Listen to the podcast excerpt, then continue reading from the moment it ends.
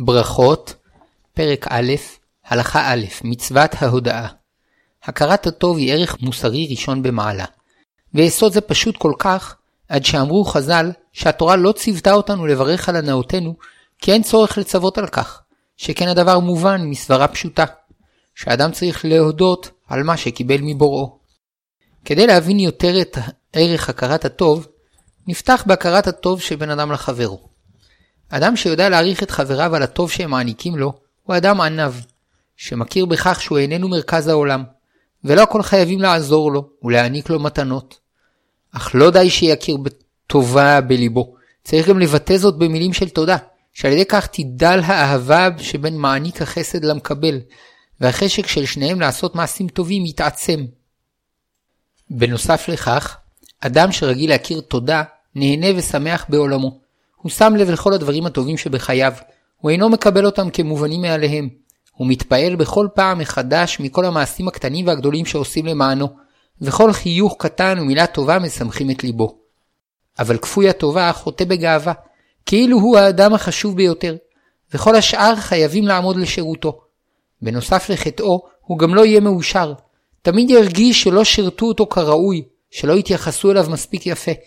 והוא גם מזיק לכל הסובבים אותו, מפני שהוא גורם לאנשים טובים להרגיש רע ולהתייאש מלעשות חסד. ההודעה הגדולה ביותר ראויה לבורא העולם, שברא את העולם כולו בטובו, בחן, בחסד וברחמים. הודו לשם כי טוב, כי לעולם חסדו. רבים יודעים כי יש בורא לעולם, אבל כל זמן שהם אינם מודים לו על הטובה, הם אינם מחוברים לאמונה עצמה. בלא ההודעה, הידיעה כי השם ברא את העולם נעשית ריקה מתוכן, בלא משמעות בונה. ההודעה להשם היא הביטוי הממשי של האמונה, ועל ידה האדם מתרגל לראות את החסד האלוקי שמלווה אותו תמיד, ומתוך כך הוא יכול להידבק בבוראו, ללכת בדרכיו, למלא את ייעודו העליון ולתקן עולם במלכות שדי. במידה מסוימת, חטא אדם הראשון התחיל בכפיות טובה. את כל עצי הגן נתן השם לאדם הראשון, ורק מעץ הדעת ציווהו שלא לאכול.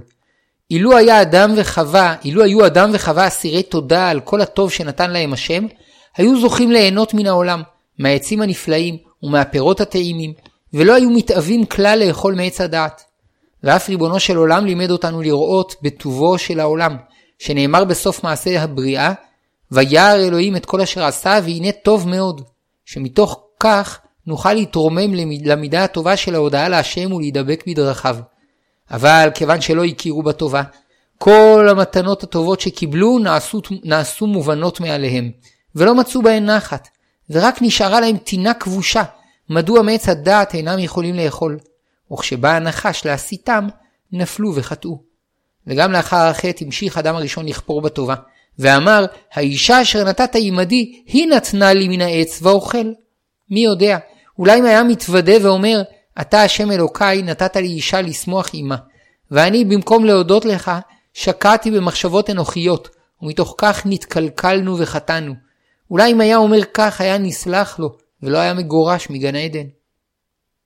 על פי זה מובן מדוע דקדקו כל כך חז"ל בדיני ברכות, עד שתיקנו ברכה מיוחדת לכל סוג של הנאה, ודייקו בשיעור החייב בברכה האחרונה, כדי שעל כל הנאה והנאה תינתן הודעה להשם באופן המשובח והנאה ביותר, ויש באמירת הברכות בכוונה משום תיקון חטא אדם הראשון.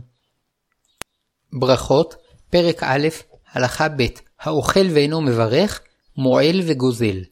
השמיים מספרים כבוד אל, והארץ מלאה כבודו. העצים והעשבים מרננים לפניו, והחיות מתהלכות וזוחלות מלפניו. העופות פורחים כנגדו, הים וכל אשר בו גועש ונע לכבודו, וכולם יחד וכל אחד לחוד אומרים לפניו שירה. לכל נברא ונברא שברא הקדוש ברוך הוא בעולמו, יש ייעוד משלו, והוא מגלה פן נוסף מהשפע האלוקי האינסופי, שאין הקדוש ברוך הוא בורא דבר בעולמו לבטלה. לענבים ייחוד משלהם, ולתאנים ייחוד משלהם, וכך לכל פרי ופרי. יש מתוקים ויש חמצמצים, יש מזינים ויש מעוררים, יש שמרקמם קשה ויש שהוא רך, ואף צבעו וצורתו של כל פרי ופרי משרים אווירה מיוחדת. וגם לכל עיניו ועיניו שגדל בעולמו של הקדוש ברוך הוא ייחוד משלו, ואין עיניו אחד יכול להחליף את חברו. ואף שאיננו עומדים על סודו של כל פרי ופרי, מכל מקום הבורא שבראו יודע את סודו ונתן בו ניצוץ מיוחד שמכוחו הוא חי ומכוחו גדל. וכל הנוטל דבר מן העולם בלא רשות, הרי הוא פוגע בהרמוניה הכללית של העולם ונחשב לגוזל. אבל אם הוא מברך ומכיר טובה לקדוש ברוך הוא, הוא נחשב כנוטל רשות. וזהו שאמרו חכמים, אסור לו לאדם שיהנה מן העולם הזה בלא ברכה. וכל הנהנה מן העולם הזה בלא ברכה, מעל, וכאילו נהנה מקודשי שמיים. ועוד אמרו, כל הנהנה מן העולם הזה בלא ברכה, כאילו גוזל לקדוש ברוך הוא וכנסת ישראל. כי המגמה של כל הבריאה היא לגלות את דבר השם בעולם. וזה גם ייעודם של ישראל, שנאמר, עם זו יצרתי לי, תהילתי יספרו. וכאשר אדם נהנה מן העולם בלא לברך, הרי הוא גוזל את הקדוש ברוך הוא ואת ישראל. אבל אם הוא מברך להשם, לא רק שאינו פוגע בבריאה, אלא להפך, הברכה נחשבת לגילוי שם השם במדרגה הגבוהה גבוהה יותר מעצם קיומו של אותו נברא. שהברכה מגלה את שורשו של המאכל הטעים והיפה, שהקדוש ברוך הוא בראו. וזוהי תכליתו העליונה של כל נברא, שיתקדש על ידו שמו של השם בעולם. ואף המברך עצמו זוכה על ידי כך להתרומם ולהתקשר להשם. וזהו שאמרו חכמים, שלפני הברכה כל הארץ ומלואה שייכת להשם, ואין לאדם רשות ליהנות ממנה, שנאמר להשם הארץ ומלואה תבל ויושבי בה. אבל אחר שהאדם מברך, רוצה השם שיהנה מכל אשר ברא למענו בארץ, שנאמר, השמיים שמיים להשם, והארץ נתן לבני אדם. עוד אמרו, עוד מבואר שם בתלמוד, שמי שאינו יודע לברך, תקנתו שילך אצל חכם וילמדנו ברכות. כפי הנראה, לא מספיק ללמוד את הברכות בשטחיות, צריך ללכת לחכם כדי לעמוד על סודן ומשמעותן של הברכות, כדי שידע כיצד לקדש על ידן את שמו של הקדוש ברוך הוא כראוי. ברכות א', הלכה ג', יסוד הברכה. חסד גדול עשה השם עמנו, שגילה לנו שטוב לפניו שנברך ונודה לשמו, שנאמר, ואכלת ושבעת וברכת את השם אלוקיך. והוא יתברך כמובן שאינו זקוק לשבחים שלנו, אלא שרצה הקדוש ברוך הוא להיטיב לנו, ונתן לנו את המתנה הגדולה ביותר, את האפשרות לברך לפניו. וזו זכות נפלאה, לומר להשם ברכה ולדעת שיש לה ערך בעיני השם. כל החיים מקבלים משמעות על ידי כך. כבר איננו כבעלי החיים שנולדים ומתים בלא פשר, אלא כבני אדם הזוכים להתקשר לריבונו של עולם ולומר לפניו ברכה. ומתוך ההתקשרות שנעשית בברכה, מתווסף שפע של חיים לעולם. יסוד הברכה לדעת את השם שהוא מקור הברכה. ולכן בכל ברכה אנו מזכירים את שמו השם אלוקינו. וכדי שיהיה ברור שהשם שאנו פונים אליו אינו רק רם ונישא בגובה מרומים, אלא גם מחיה את העולם, משגיח על בריאותם ומנהיגם, אנו מזכירים את מלכותו, מלך העולם. ואמרו חכמים, כל ברכה ששכח להזכיר בה את שמו או את מלכותו, אינה ברכה. ויש לדעת, כי אף שהשם נתגלה אלינו ביציאת מצרים ומתן תורה והורה לנו דרך לברכו, רק מעט מאורו נתגלה, כי את כל אורו אין נברא שיכול לקלוט. ולכן בנוסח הברכה רמזו חכמים לשתי המדרגות הללו, למה שמתגלה אלינו ולמה שמעבר לכך. בהזכרת שמו אנו אומרים שני שמות. הראשון, השם, רומז למדרגה עליונה, שרק מעט מזער ממנה מתגלה אלינו, ואילו השני, אלוקינו, רומז למה שמתגלה אלינו. יתר על כן, בתחילת הברכה אנו פונים אליו ישירות ואומרים, ברוך אתה השם אלוקינו. אולם לאחר מכן אנו עוברים לדבר אליו כאל נסתר, ואומרים שהכל נהיה בדברו, בורא פרי העץ, אשר קידשנו במצוותיו וציוונו, שאז אנו מתכוונים כלפי מה שלגמרי מעבר להשגתנו. משמעות לשון ברכה, תוספת וריבוי, כמו שנאמר, וברך את לחמך, והכוונה שיוסיף וירבה את לחמך. וכן נאמר, ואהבך וברכך וירבך, וברך פרי בטנך ופרי אדמתך, דגנך ותירושך ויצריך, שגר על אפיך ועשתרות צונך, על האדמה אשר נשבע לאבותיך לתת לך. והכוונה, שירבה ויוסיף על פרי בטנך ואדמתך. ואם כן, מהו שאנו מברכים את השם? הלא הוא שלם ואין סופי, ומה אפשר להוסיף ולהרבות בו? אלא שהכוונה לריבוי גילוי שכינתו בעולם, שעל ידי שאנו נהנים מעולמו ויודעים שהכל ממנו, ואומרים זאת, מתווסף גילוי שכינתו בעולם. ואם כן, באמירת הברכה איננו מתפללים עליו כביכול, אלא מציינים עובדה שבזה שאנו יודעים שהכל בא ממנו, מתרבה גילויו בעולם. ומתוך כך שבכל ברכה וברכה יש גילוי שכינה נוסף בעולם, מתווספים על ידי כך חיים לעולם, שכן חיי העולם וכל אשר בו תלויים בקשר של העולם אל הבורא, מקור החיים. הרי שבכל ברכה שאנו מברכים, נוצר צינור של שפע שדרכו יורדים טללי ברכה וחיים אל העולם. ולזה אולי רמזו חכמים שאמרו שהרוצה להיות חסיד ידקדק בענייני ברכות, שעל ידי הברכות הוא מוסיף חסד וברכה לעולם. ברכות א', הלכה ד', הברכות שלפני האכילה. שני סוגים של ברכות על האוכל ישנן, לפני האוכל ואחריו. הברכה שלפני האוכל היא הברכה שמברכים להשם על ההנאה מהאוכל, והסברה מחייבת זאת, שאין לאדם ליטול דבר להנאתו מעולמו של הקדוש ברוך הוא, בלא נטילת רשות והכרה בכך שהקדוש ברוך הוא ברא אותו. וסברה זו פשוטה ומחייבת כל כך, עד שלא הוצרכה התורה לצוות על כך, כי נכון שיעשה זאת האדם מדעתו. וכשם שראוי לאדם שמקבל מתנות מחברו להודות באופן ייחודי על כל מתנה, ואילו זה שמודה על הכל בנוסח סתמי מראה שאינו מבחין במהות המתנה, וממילא תודתו מאבדת את משמעותה, כך ראוי לאדם לנהוג כלפי שמיים. לפיכך תקנו חכמים להודות בברכה מיוחדת על כל סוג וסוג של מאכל. על לחם מברך ברוך אתה השם אלוקינו מלך העולם המוציא לחם מן הארץ. ועל מיני מזונות מברך ברוך אתה השם אלוקינו מלך העולם בורא מיני מזונות. ועל יין מברך ברוך אתה השם אלוקינו מלך העולם בורא פרי הגפן. ועל פירות העץ מברך ברוך אתה השם אלוקינו מלך העולם בורא פרי העץ. ועל פירות האדמה מברך ברוך אתה השם אלוקינו מלך העולם בורא פרי האדמה. ועל שאר מאכלים שאינם גדלים מהארץ, כדוגמת בשר וחלב, מברך ברוך אתה השם אלוקינו מלך העולם שהכל נהיה בדברו. וכל ברכה וברכה מגלה את שורשו האלוקי המיוחד של המאכל, ולכן יש לדקדק מאוד בברכות, שלא לברך על מין אחד את ברכתו של חברו. ברכות א', הלכה ה', הברכה שלאחר האכילה. הברכה שלאחר האכילה יש בה חידוש, שכן, אחר שכבר הודינו להשם בברכה שלפני האכילה, לכאורה אין עוד צורך להודות להשם לאחר האוכל. ועל כן נצטווינו בתורה שגם אחר שנאכל ונשבע, נתבונן בכל הטובה שהשפיע השם לישראל, ונודה להשם ונברך על כך, שנאמר, ואכלת ושבעת וברכת את השם אלוקיך על הארץ הטובה אשר נתן לך. יש במצווה זו הדרכה חשובה מאוד. בדרך כלל כאשר אדם רעב הוא יודע שהוא זקוק לעזרה, והוא צועק אל השם. אבל כאשר הוא שבע וטוב לו, הוא עלול להסתפק בשמחה הפשוטה והמגושמת שיש לו מן האוכל ולשכוח את השם. לשכוח שעדיין ניצבים בפנינו אתגרים עצומים, להתגדל באמונה, לגלות שכינה בארץ הטובה אשר נתן לנו השם, להתקשר אל הברית שבין ישראל להשם, להתקשר אל התורה הקדושה, לבקש על ישראל ועל ירושלים ובית המקדש ולתקן עולם במלכות שדי. כל היסודות הללו באים לידי ביטוי בברכות שאנו אומרים בברכת המזון, כמבואר בהמשך. לברכת המזון המלאה זוכה רק מי שאכל פת, ומי שאכל משבעת המינים שנשתבחה בהם ארץ ישראל, זוכה לברכה, לברך ברכה אחת שהיא תמצית של ברכת המזון, ועל כן היא נקראת מעין שלוש, שיש בה תמצית של שלוש הברכות שבברכת המזון. ונחלקו הפוסקים בשאלה, האם חיוב ברכה זו מהתורה או מדברי חכמים. כהמשך לכך, תקנו חכמים שכל מי שאכל או שתה ונהנה ממאכלים שאינם משבעת המינים, יברך לאחר אכילתו ושתייתו ברכה קצרה להשם, הלא היא ברכת בורא נפשות.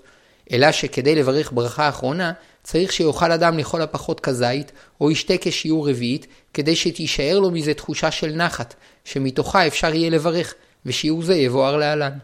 כאן המקום להוסיף, כי לעתים מתפשטת בנפשו של האדם הגמומיות לאחר האכילה. אולי בגלל התקווה שהייתה לו לפני שהתחיל לאכול, שהמאכל הטעים יפיג את עצבונו ויביא אותו אל סיפוקו. והנה הוא אכל ונשאר עצוב. ולפעמים תחושת הכבדות שמתגברת לאחר הסעודה גורמת לדיכאון מסוים. ולפעמים הוא מצטער על כך ששוב נכשל באכילה יתרה, ועתה בטנו מלאה והוא מרוגז ויואש מעצמו. על ידי אמירת ברכת המזון בכוונה, יכול האדם להעלות את עצמו מן התחושות השליליות הללו, ולהעניק לאכילתו משמעות ערכית. ואפילו אם הפריז ואכל יתר על המידה, ואם יאמר את הברכה בכוונה יתרה, עדיין הברכה תוכל לתקן את מה שפגם, ולהפוך את הכבדות והייאוש לחיוניות ושמחה.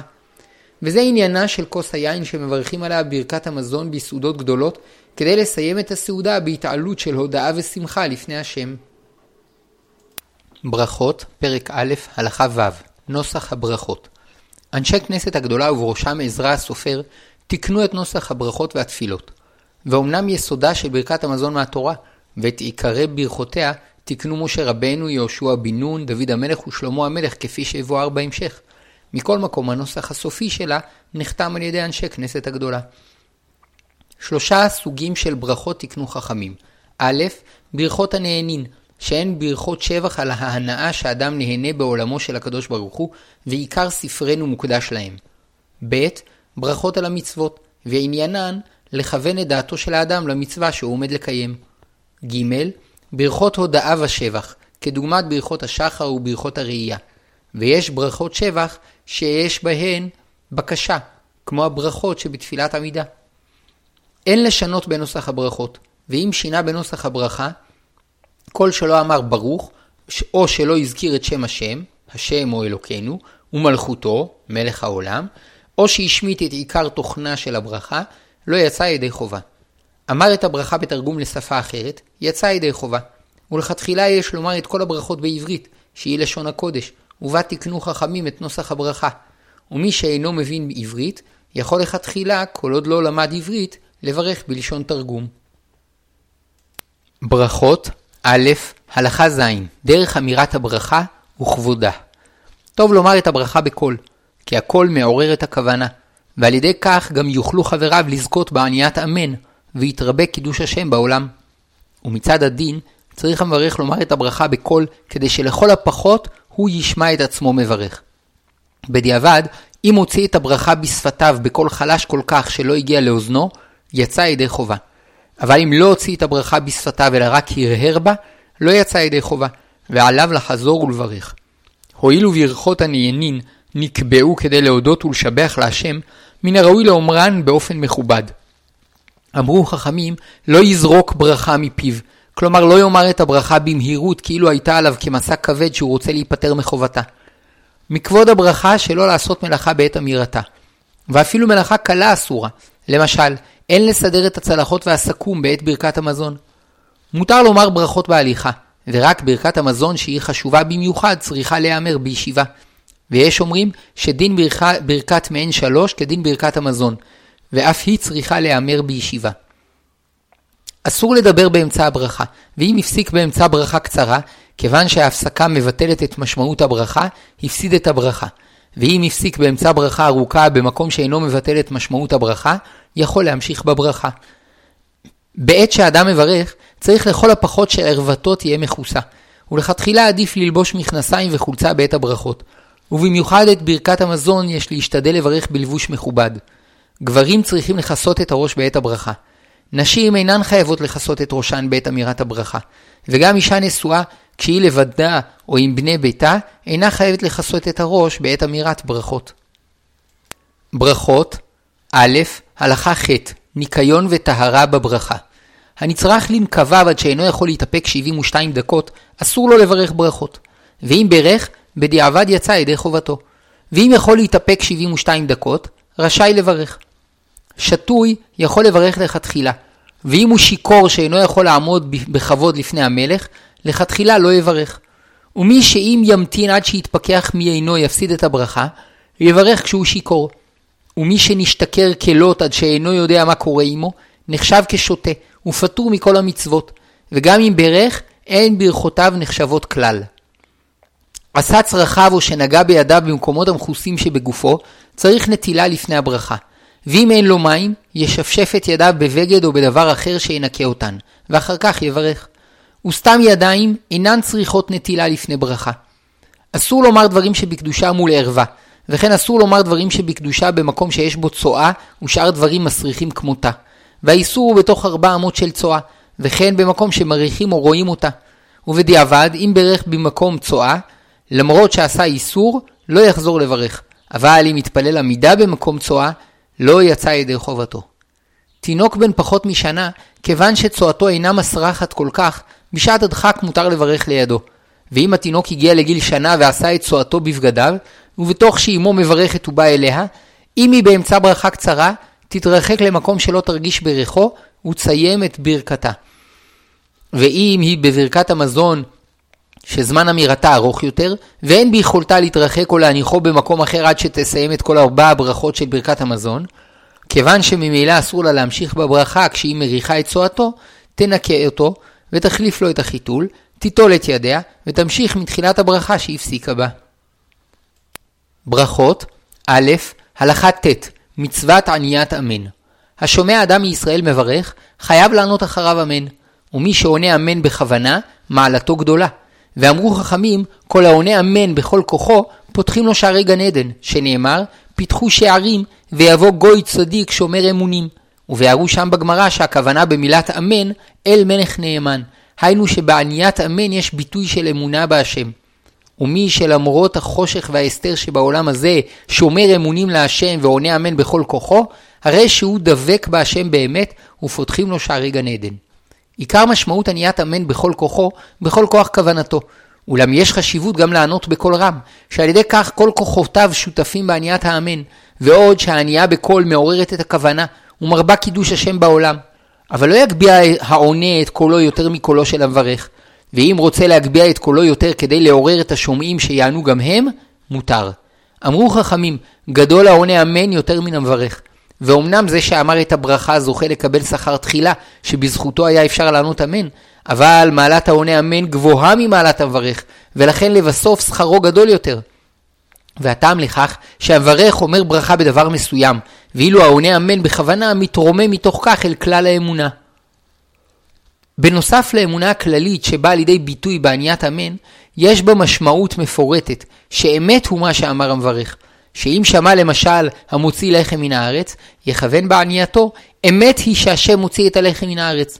וכשיש בברכה גם בקשה, כמו בברכת, בברכת חונן הדעת שבעמידה, יכוון אמת שהשם חונן הדעת, וגם הלוואי שיחון אותנו בדעה.